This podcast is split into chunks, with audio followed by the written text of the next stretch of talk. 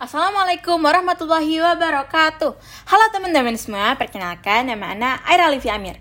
Nah, pada kesempatan kali ini Aira akan uh, mengisahkan uh, mengenai, uh, maaf bukan mengisahkan ding membacakan sebuah kisah yang kisah ini tuh udah terjadi beribu-ribu tahun sebelum kita lahir.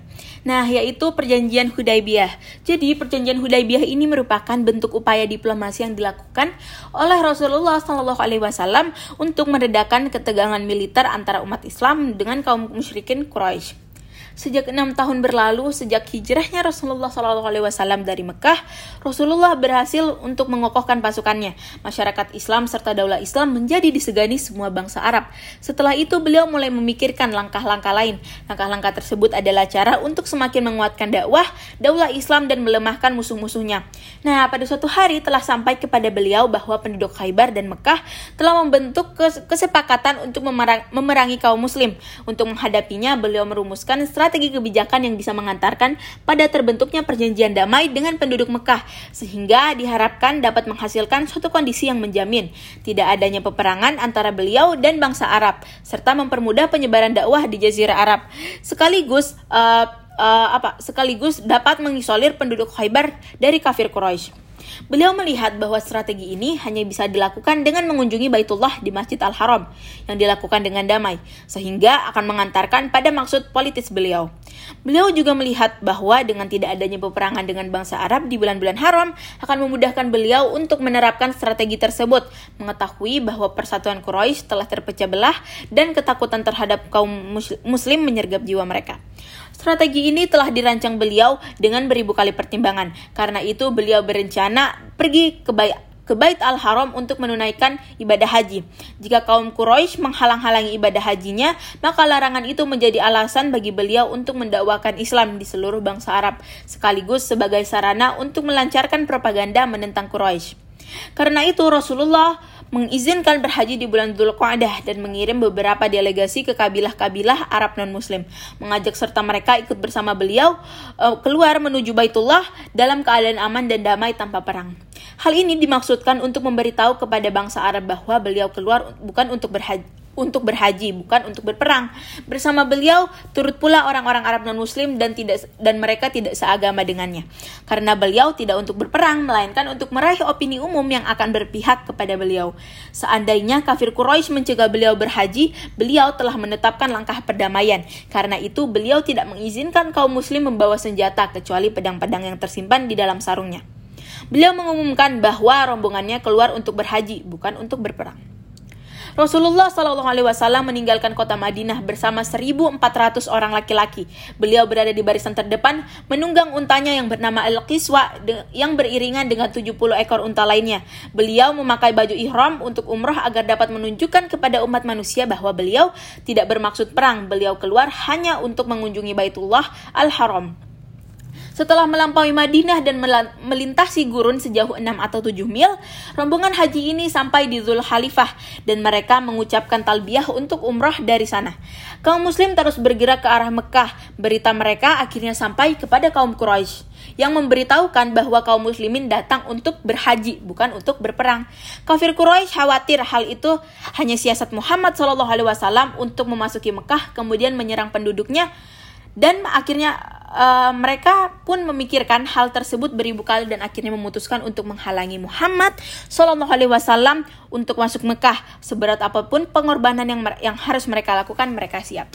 Nah jadi ada poin di sini yaitu kita nggak boleh suuzon terhadap manusia gitu ya. Uh, kalau zaman sekarang itu bahasanya uh, overthinking gitu. Ini overthinking banget gitu ya suuzon. Nah akhirnya uh, uh, kafir Quraisy pun menyiapkan pasukan uh, untuk menghadapi kaum muslim dan mencegah mereka masuk Mekah. Mereka mengangkat Khalid bin Walid dan Ikrimah bin Abu Jahal untuk memimpin pasukan yang sangat besar. Yang pasukan berkudanya saja berjumlah 200 orang. Pasukan musyrik keluar dari Mekah dan bergerak menuju arah rombongan yang datang untuk berhaji agar dapat mencegah mereka agar dapat mencegah mereka. Mereka tiba di Zutua lalu membangun perkemahan di tempat itu. Kabar tentang yang dilakukan kafir Quraisy yaitu telah mempersiapkan pasukan untuk mencegahnya berhaji telah sampai di telinga Rasulullah Shallallahu Alaihi Wasallam. Ketika beliau sampai di perkampungan Asfan yang berjarak dua marhalah atau setara, setara dengan 88.704 km dari Mekah. Rasulullah bertemu dengan seorang laki-laki dari Bani Ka'ab. Nabi Shallallahu Alaihi Wasallam bertanya kepada kepadanya tentang kabar orang-orang Quraisy. Laki-laki itu berkata, Orang-orang Quraisy tersebut telah mendengar perjalananmu. Mereka keluar dengan membawa perisai dan memakai baju kulit macan tutul. Mereka membangun perkemahan di di Zutua. Di sana mereka bersumpah kepada Allah akan mencegah engkau selamanya untuk masuk Mekah. Dalam pasukan dalam pasukan mereka terdapat Khalid bin Walid. Mereka bergerak menuju Kira al-Gomim, suatu tempat yang jauh dari perkemahan kaum muslim di Asfan sejauh 8 mil. Mendengar kabar ini, Rasulullah SAW berkata, Celakalah orang-orang Quraisy. Sungguh peperangan telah memakan habis diri mereka. Apa yang mereka lakukan, andai mereka membiarkan antara diriku seluruh orang dan seluruh orang Arab. Jika mereka memerangiku, berarti itulah yang akan mereka kehendaki. Jika jika Allah memenangkanku atas mereka, pasti mereka masuk Islam berbondong-bondong. Dan jika mereka tidak melakukannya, maka seluruh orang Arab beserta kekuatannya akan memerangi mereka. Lantas apa yang kafir Quraisy rencanakan? Demi Allah, aku terus berjihad atas dasar kebenaran yang aku diutus Allah dengannya hingga Allah memenangkan kebenaran itu atau aku binasa dengannya eh, aku, atau aku binasa karenanya. Yang artinya beliau akan terus berjuang hingga memperoleh kemenangan atau mati. Di sini beliau uh, Shallallahu Alaihi Wasallam berpikir tentang perkara yang sedang dihadapinya. Beliau mengevaluasi kembali kebijakan-kebijakan yang telah digariskannya. Beliau memang telah menetapkan keputusan menggunakan jalan damai dan tidak men menyiapkan diri untuk berperang. Namun kenyataannya beliau melihat bahwa kafir Quraisy telah mengirim pasukan untuk memerangi dirinya. Sementara beliau tidak ingin berperang. Jika demikian kenyataannya apakah Rasulullah harus kembali ke Madinah ataukah mengubah kebijakan damai dan beralih mengambil strategi perang? Beliau mengetahui bahwa kaum muslim dengan keimanannya mampu menghadapi perlawanan pasukan musuh dan terjun ke kancah peperangan meski mereka belum menyiapkan perang sama sekali. Akan tetapi beliau datang bukan untuk berperang dan memang dan memang tidak menetapkan untuk pergi berperang. Beliau datang untuk berhaji dan dalam keadaan damai. Seandainya beliau dipaksa dan dihalang-halangi pergi berhaji, beliau uh, sebenarnya mampu mengatasi hambatan ini. Beliau memecahkan persoalan ini hanya dengan menggunakan cara damai tidak dengan cara perang dan tidak akan terjun ke kancah peperangan. Kebijakan damai uh, yang telah digariskannya beliau maksudkan untuk membentuk opini umum di kalangan seluruh bangsa Arab tentang dakwah Islam dan keluhurannya juga untuk membentuk opini umum di kalangan Quraisy dan di seluruh Mekah mengenai keluhuran dakwah ini serta membentuk opini umum di kalangan bangsa Arab, Quraisy dan penduduk Mekah tentang kesalahan Quraisy, kesesatan, kejahatan dan dan permusuhan mereka. Beliau menginginkan opini umum ini bisa membentuk iklim dakwah yang kondusif karena keadaan tersebut merupakan salah satu faktor pendukung dakwah yang paling besar dan dalam penyebaran dan pencapaian kemenangan Islam. Berdasarkan hal-hal ini, beliau menetapkan strategi kebijakan damai dan tidak menetapkan strategi perang. Jika tetap melakukan perang, berarti beliau telah menyalahi strategi itu sendiri dan merusak aspek yang menjadi alasan beliau keluar dari Madinah. Karena itu, beliau berpikir keras tentang apa yang harus dilakukan dalam pikirannya. Pandangan beliau mampu membaca jauh ke depan. Berdasarkan pengalamannya yang banyak dan kecermatan strategi yang dibandingkan dengan pemikiran manusia mana pun. Dengan demikian beliau tetap meneruskan uh, tetap meneruskan strategi damainya sehingga tidak merusak maks uh, maksud beliau sendiri keluar dari kota Madinah dan tidak menyalahinya. Sementara itu di tengah-tengah bangsa Arab, kaum Quraisy mempunyai alasan untuk menyerang Rasul. Jadi opini umum ternyata berpihak kepada kafir Quraisy daripada terhadap daripada terhadap beliau. Karena itu, beliau mampu menyeru rombongannya. Siapa yang bersedia berjalan keluar bersama kami melalui sebuah jalan selain jalan mereka sendiri. Lalu seorang laki-laki keluar bersama mereka dan menunjukkan jalan kepada mereka. Mereka menyusuri jalan-jalan yang sulit dan bercadas di antara celah-celah gunung yang sempit. Rombongan Rasul ini melewati jalan di tengah himpitan kesulitan, menjalani, menjalani perjuangan yang melelahkan sampai akhirnya berhasil melewatinya. Alhamdulillah. Mereka berjalan terus hingga Sahal, Sah, dan berhenti di lembah Makkah suatu satu tempat yang dinamakan Hudaybiyah dan di situlah mereka membuat perkemahan ketika pasukan Khalid bin Walid dan Ikrimah melihatnya mereka terkejut dan segera kembali ke, ke induk pasukan untuk mempertahankan Mekah. Jiwa mereka panik dan ketakutan karena kaum muslim berhasil melampaui pasukan mereka dan menempati daerah perbatasan Mekah. Kesatuan pasukan muslim berada di dalam Mekah kesatuan uh, pasukan musyrikin berada di dalam Mekah, sementara kesatuan pasukan Nabi Muhammad SAW dan para sahabat berada di Hudaybiyah. Kedua pasukan tersebut saling berhadap-hadapan. Pasukan Quraisy di dalam Mekah, sedangkan kaum Muslim di Hudaybiyah. Masing-masing berpikir tentang strategi yang akan dijalaninya dalam menghadapi musuh. Sebagai sebagian kaum Muslim berpikir bahwa Quraisy tidak akan membiarkan mereka melakukan haji. Mereka telah mempersiapkan perlengkapan perang untuk menghadapi kaum Muslim.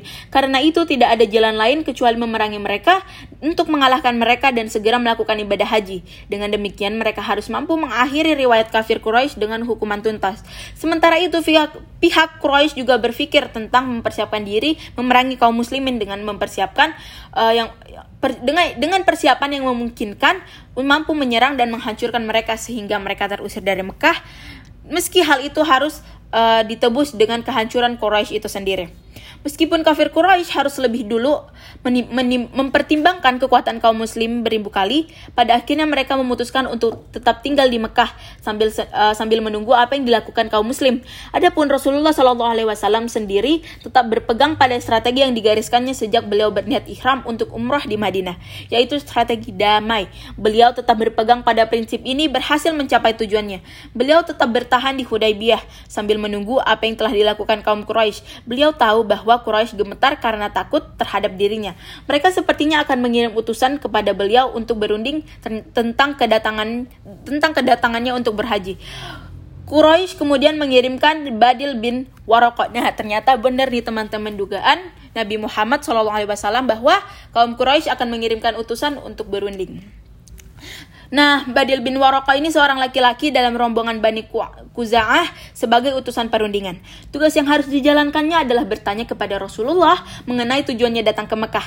Tidak lama setelah perundingan, akhirnya mereka puas karena ternyata kaum muslim tidak datang untuk maksud maksud perang, melainkan mereka datang untuk mengunjungi Baitullah demi mengagungkan kemuliaannya. Setelah itu, utusan tadi kembali meyakinkan Quraisy dengan kabar tadi dan berusaha keras meyakinkannya, sehingga Quraisy mencurigai mereka telah berpihak kepada Muhammad SAW. Nah, uzon lagi kan mereka, mereka tidak mempercayai ucapan para utusan ini. Akhirnya mereka mengirimkan utusan lain di bawah kepemimpinan Mukris dan bin Hafash. Namun nasibnya juga sama seperti utusan pertama.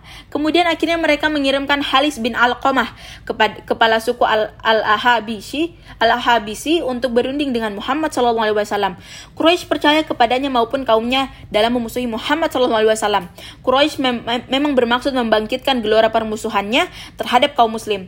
Jika kembali dan perundingan tidak berhasil, tentu dendam Halis bertambah besar dan dan semangat untuk mempertahankan Mekah semakin meningkat. Nabi Muhammad SAW mengetahui keberangkatannya lalu beliau memerintahkan agar hewan-hewan sembelihan untuk umroh dilepaskan di hadapan beliau agar hewan-hewan itu ada dalam pandangan halis dan dan bisa menjadi bukti uh, bahwa uh, niat dari kaum muslimin ini memang untuk berhaji bukan untuk berperang. Halis pun berangkat dan ketika sampai di perkemahan kaum muslim dia melihat unta-unta berkeliaran, berkeliaran di lembah. Dia juga menyaksikan gerak-gerik kaum muslim beserta hewan-hewan sembelihan untuk had yang benar-benar menunjukkan sebagai rombongan umroh bukan sebagai pasukan perang. Tampak tampak di kemah-kemah mereka suasana ibadah. Pemandangan ini membawa pengaruh yang amat meyakinkan Halis bahwa mereka bersungguh-sungguh bertujuan untuk ibadah bukan perang. Tidak lama dia tinggal di daerah pengintaiannya dan dan telah puas melihat kenyataan kondisi kaum muslim itu, maka Halis pun kembali ke Mekah. Padahal dia belum bertemu Rasulullah SAW. Dia mengabarkan kepada Quraisy dan meminta mereka supaya membiarkan kaum muslim melaksanakan haji. Halis sangat marah pada sikap Quraisy yang keras kepala yang keras kepala dan mengancam mereka jika tidak memberi kemudahan pada Muhammad yang hendak mengunjungi Ka'bah. Maka Halis dan orang-orang Ahabisi, Ahabisi akan meninggalkan Quraisy dari Mekah. Akan tetapi Quraisy buru-buru memohon Hais Halis agar bersabar sejenak dan meminta Halis supaya memberi tangguh agar mereka bisa memikirkan persoalan tersebut dengan matang. Halis pun tidak memperdulikan mereka lagi. Bayangan teman-teman, utusannya aja nih udah muak, udah kesel sama uh, kaum Quraisy ini karena saking uh, keras kepalanya gitu dan suuzonnya yang tidak dan gak mau uh, menerima kebenaran gitu. Sementara itu, Quraisy mengirimkan lagi utusan yaitu Urwah bin Mas'ud Al-Thaqafi. Tentu setelah mereka berhasil meyakinkan bahwa mereka merasa mantap dan percaya dengan pikirannya. Urwah berangkat menemui Rasulullah dan mengajak berunding agar Rasulullah agar Rasul kembali saja dari Mekah. Dalam perundingannya Urwah menggunakan berbagai uslub akan tetapi dia tidak berhasil dan kembali dengan perasaan puas dengan cara pandang Rasulullah SAW. Dia berkata kepada Quraisy, "Hai orang-orang Quraisy, sesungguhnya aku mendatangi Kisra di kerajaannya dan Kaisar di imperiumnya. Demikian demikian juga Najasyi di kerajaannya. Demi Allah, aku sama sekali belum pernah melihat sebuah kerajaan pun di dalam satu kaum seperti Muhammad di tengah-tengah para sahabatnya. Sungguh aku telah melihat suatu kaum yang selamanya tidak akan menyerahkan untuk suatu apa pun karena itu pikiran pikiran kembali pendapat kalian. Kebencian dan dendam kafir Quraisy makin menjadi. Lobby terus berlangsung dan memakan waktu lama tanpa mencapai kata sepakat. Ya Allah, Melihat hal ini, Rasulullah pun berpikir hendak mengirimkan utusan untuk berunding. Barangkali utusan-utusan Quraisy takut berhadap terhadap umatnya dan mungkin saja utusan Rasul itu akan meyakinkan mereka. Lalu Rasul akhirnya mengutus Khurash bin Umayyah al-Khuzai menemui mereka. Akan tetapi mereka melukai utusan ini dan hendak membunuhnya. Seandainya tidak ada pembelaan dari suku Al-Ahabisi, Al-Ahabisi. Kemarahan berasul kemarahan Kemarahan kaum Quraisy semakin membara. Di tengah malam, mereka mengirim beberapa orang bodoh untuk melempari kemah-kemah kaum muslim dengan batu. Kaum muslim marah, bahkan mereka sempat berpikir untuk memerangi kafir Quraisy. Akan tetapi, Rasulullah SAW lagi-lagi berhasil meredakan kemarahan, kemarahan mereka dan menenangkannya. Tersiar kabar bahwa 50 orang dari Quraisy telah keluar untuk mendatangi perkemahan kaum muslim dengan tujuan menyerang dan menghancurkan mereka tanpa menyisakan seorang pun dari para sahabat Nabi. Namun rencana aksi tersebut diketahui oleh para kaum muslim, lalu mereka ditangkap dan dihadirkan ke hadapan Rasulullah. Beliau memaafkan mereka dan melepaskannya. Tindakan tersebut punya pengaruh besar di Mekah dan menjadi bukti kuat bahwa menunjukkan kebenaran Muhammad tentang ucapannya yang uh, Muhammad SAW tentang ucapannya yang menentang uh, yang menyatakan bahwa beliau ini datang untuk berhaji bukan untuk berperang.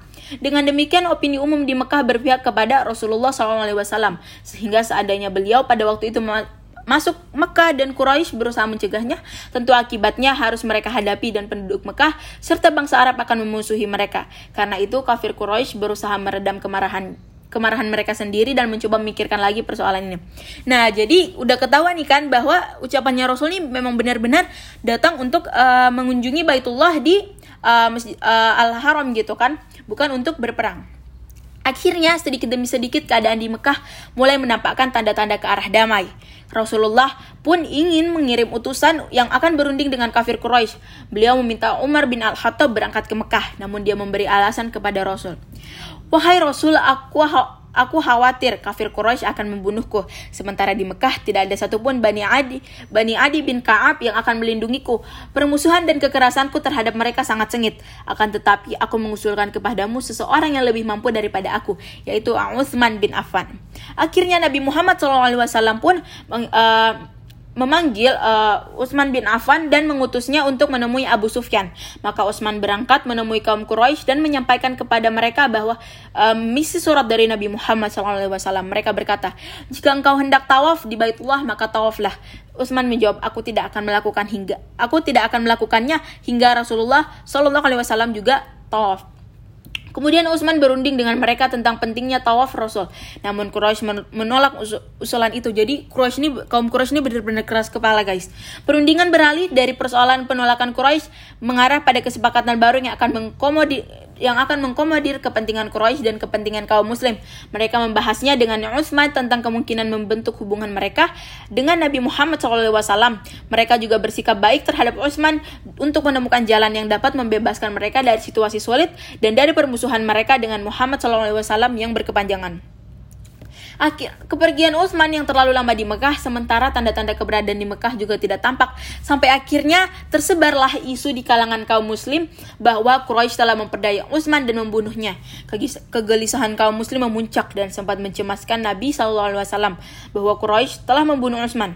Akibatnya kaum muslim bergolak dan bergon dan goncang. Masing-masing mereka menggenggam pedangnya dan siap berperang serta membunuh. Seketika itu pula Rasulullah SAW mengevaluasi kembali pandangannya tentang strategi yang telah digariskannya, yaitu strategi damai. Beliau melihat bahwa perkembangan baru itu membutuhkan peninjauan ulang terhadap kebijakannya tersebut, khususnya setelah melihat adanya tanda-tanda bahwa kafir Quraisy memperdaya Utsman dalam bulan haram, padahal dia utu padahal dia utusan juru, juru runding. Karena itu beliau berkata, "Janganlah kita meninggalkan tempat ini hingga kita memerangi kaum itu." Beliau memanggil sahabat-sahabatnya lalu diajaknya berdiri di bawah sebuah pohon seraya meminta kepada mereka untuk uh, memberikan bayat kepadanya. Mereka semua berbaiat untuk tidak lari dari peperangan hingga mati. Mereka sangat bersemangat dalam kekuatan yang luar biasa dan kebenaran keimanan.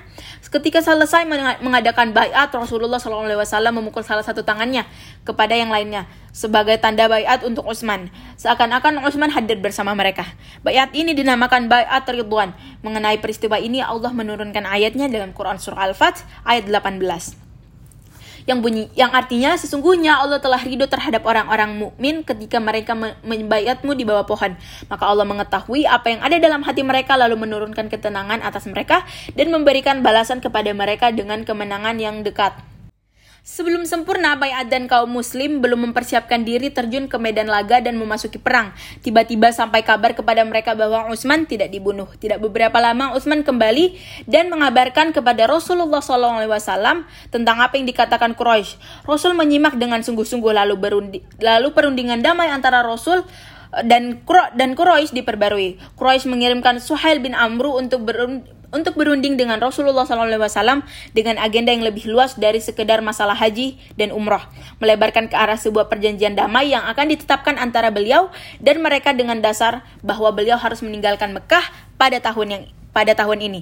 Rasulullah SAW menerima perundingan damai dengan asas tersebut karena perjanjian tersebut telah merealisir merealisir maksud beliau dal dalam melakukan kunjungan ke Baitullah. Lagi pula tidak masalah baginya untuk mengunjungi Baitullah ini atau tahun depan.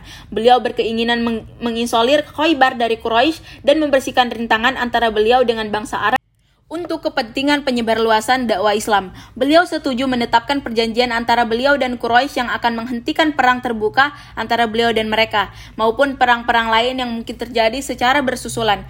Adapun masalah haji dan umroh tidak akan berpengaruh. Apakah apakah akan dilaksanakan sekarang ataukah tahun depan.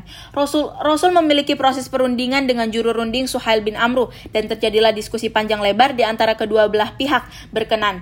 Den kedua belah pihak berkenan dengan perjanjian damai tersebut beserta syarat-syaratnya. Dalam beberapa kesempatan diskusi tersebut ditingkahi beberapa interupsi dan nyaris batal. Seandainya tidak ada Rasulullah SAW kedalaman pengalamannya dan kejelian siasatnya. Kaum muslim berada di sekitar Rasulullah SAW menyimak perdebatan tersebut dan mereka menganggap bahwa perbincangan itu berkenan dengan umroh. Sedangkan Rasulullah SAW sendiri menganggapnya sebagai diskusi tentang penghentian perang. Karena itu pandangan politik kaum muslim masih sempit. Sementara itu Rasulullah SAW bergembira terhadap hal itu dan mengarahkan perjanjian itu ke tujuan yang beliau kehendaki tanpa melihat rincian ataupun manfaat sesaat. Kesepakatan kesepakatan antara kedua belah pihak selesai berlandaskan syarat-syarat tertentu. Sayangnya syarat-syarat ini membakar dan membangkitkan amarah kaum muslim. Mereka berusaha meyakinkan Rasul agar menolak syarat-syarat perjanjian itu dan menggantinya dengan perang. Sampai-sampai Umar bin Al-Khattab pergi menjumpai Abu Bakar dan berkata kepadanya, Kenapa kita menerima kehinaan untuk agama kita? Umar berusaha untuk mengajak pergi menemui Rasulullah SAW untuk meyakinkan beliau agar menolak syarat-syarat perjanjian tersebut. Akan tetapi Abu Bakar justru meyakinkan Umar agar ridha terhadap apa yang diridhoi Rasulullah SAW, namun tidak berhasil. Akhirnya ia pergi sendiri menghadapi Rasulullah SAW, menghadap Rasulullah SAW dan berbicara langsung kepada beliau dengan nada marah. Tetapi pembicaraan Umar tidak mampu membuat mengubah kesabaran dan kekoh dan kekokohan Nabi Muhammad SAW dan berkata kepada Umar, Aku adalah hamba Allah dan Rasulnya. Aku tidak akan pernah men menyalahi perintahnya dan dia dan dia tidak akan pernah menyanyiakanku. Kemudian beliau memanggil Ali bin Abi Thalib dan berkata kepadanya, "Tulislah olehmu Bismillahirrahmanirrahim." Maka Suhail berkata, "Aku tidak tahu apa itu, namun tulislah Bismika Allahumma." Akhirnya Rasulullah menanggapi, tulislah olehmu bismika Allahumma. Kemudian beliau pun melanjutkan, tulislah olehmu, ini adalah perjanjian damai yang disepakati Muhammad Rasulullah dengan Suhail bin Amru. Maka Suhail pun memotong, seandainya aku bersaksi bahwa engkau Rasulullah, tentu aku tidak memerangimu karena itu tulislah namamu dan nama bapakmu. Akhirnya Rasulullah SAW berkata tulislah olehmu ini adalah perjanjian damai yang disepakati oleh Muhammad bin Abdullah dengan Suhail bin Amru. Kemudian Ali bin Abi Thalib menuliskan perjanjian di antara kedua belah pihak yang isinya sebagai berikut. Yang pertama, perjanjian ini adalah perjanjian gencat, gencatan senjata yang mengikat kedua belah pihak. Di antaranya, kedua belah pihak tidak ada peperangan atau saling membunuh. Yang kedua, bahwa siapa saja dari Quraisy yang telah masuk Islam dan datang kepada Muhammad tanpa izin walinya, maka Muhammad harus mengembalikannya kepada mereka. Siapa saja yang murtad dari kaum muslim dan dan mendatangi Quraisy maka mereka tidak akan mengembalikannya kepada Muhammad. Yang ketiga, bahwa siapa saja dari bangsa Arab yang ingin ikut serta dalam kesepakatan Muhammad dan perjanjiannya, maka tidak akan dihalangi. Demikian juga, siapa saja yang ingin ikut serta dalam kesepakatan perjanjian Quraisy, maka tidak akan dihalangi. Yang keempat, tahun ini Muhammad dan para sahabatnya harus kembali dari Mekah. Mereka boleh kembali ke Mekah pada tahun berikutnya. Mereka hanya boleh masuk dan tinggal di dalamnya selama tiga hari. Mereka hanya boleh membawa pedang-pedang yang disimpan di dalam sarungnya dan tidak boleh membawa senjata lainnya. Yang terakhir, perjanjian diadakan dalam batas waktu tertentu, masanya selama 10 tahun sejak tanggal penandatangannya. Penandatangannya, penandatanganannya. Rasulullah SAW dan Suhail pun menandatangani perjanjian di tengah gelora dan kemarahan pasukan kaum muslimin. Suhail berdiri dan langsung uh, kembali ke Mekah. Sementara Rasulullah masih berada di tempatnya dalam dalam suasana kebingungan, kemarahan dan ketidaksukaan kaum muslimin yang muncul dari dari dari semangat sikap keras dan harapan yang besar untuk berperang. Beliau menemui istrinya yaitu Ummu Salmah yang menyertainya dan mengabarkan dan mengabarkan kepadanya tentang kelakuan kelakuan kaum muslimin. Dia berkata kepada beliau, "Wahai Rasulullah, kaum muslimin tidak akan menentang musuh. Sesungguhnya mereka sangat bersemangat untuk berperang karena agama dan iman mereka kepada Allah dan risalahmu. Karena itu bersyukur dan bertahalulah, niscaya engkau akan menemukan kaum muslimin mengikutimu." Kemudian kita kembali ke Madinah bersama mereka. Rasulullah SAW keluar menemui kaum muslimin. Beliau kemudian mencukur rambut sebagai penutup umrah. Jiwanya penuh dengan ketenangan dan ridho. Ketika kaum muslim melihat Rasul, tetap tenang mereka segera melalui hari nahar dan mencukur dan, memer dan memendekkan rambut. Nabi SAW dan kaum muslimin kemudian kembali ke Madinah. Di tengah perjalanan pulang, turunlah surah Al-Fat kepada Rasulullah SAW. Beliau membacakannya kepada mereka dari awal hingga akhir. Mereka semua akhirnya yakin bahwa perjanjian ini adalah kemenangan yang amat nyata bagi kaum muslimin. Kaum muslimin tiba di kota Madinah. Rasulullah telah melaksanakan strateginya dan dalam menyelesaikan uh, masalah Khaybar, penyebaran dakwah di luar jazirah, menstabilkan kondisi dalam negeri jazirah dan mengisi kekosongan waktu akibat adanya perjanjian damai dengan Quraisy untuk menyelesaikan permasalahan yang masih ada pada suku Arab serta menjalin hubungan luar negeri. Dengan demikian, sempurnalah tujuan-tujuan itu berkat dilakukannya perjanjian ini. Beliau uh, Shallallahu alaihi berhasil melaksanakan strategi yang beliau telah susun saat akan berhaji dengan cermat Meskipun dihadang oleh berbagai kesulitan dan kekerasan, beliau akhirnya mencapai tujuan politik yang telah ditetapkannya. Sehingga perjanjian Hudaybiyah merupakan kemenangan yang nyata dan di antara dan di antara hasil-hasilnya antara lain sebagai berikut. Yang pertama adalah mengantarkan Rasulullah SAW kepada opini umum yang mendukung dakwah Islam di seluruh bangsa Arab pada umumnya, di Mekah dan dengan Quraisy pada khususnya. Hal itu menyebabkan semakin kuatnya kewibawaan kaum muslimin sekaligus melemahkan kewibawaan Quraisy. Yang kedua adalah menyingkap kepercayaan kaum muslimin kepada Rasulullah SAW menunjukkan kekuatan iman kaum muslimin dan kekokohan mereka dalam menghadapi mara bahaya sekaligus bahwa mereka tidak takut mati.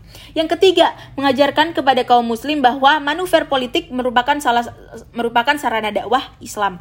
Yang keempat adalah menjadikan kaum muslimin yang masih tinggal di Mekah di tengah-tengah kaum musyrikin untuk membentuk kantong-kantong dakwah di dalam jantung barak musuh.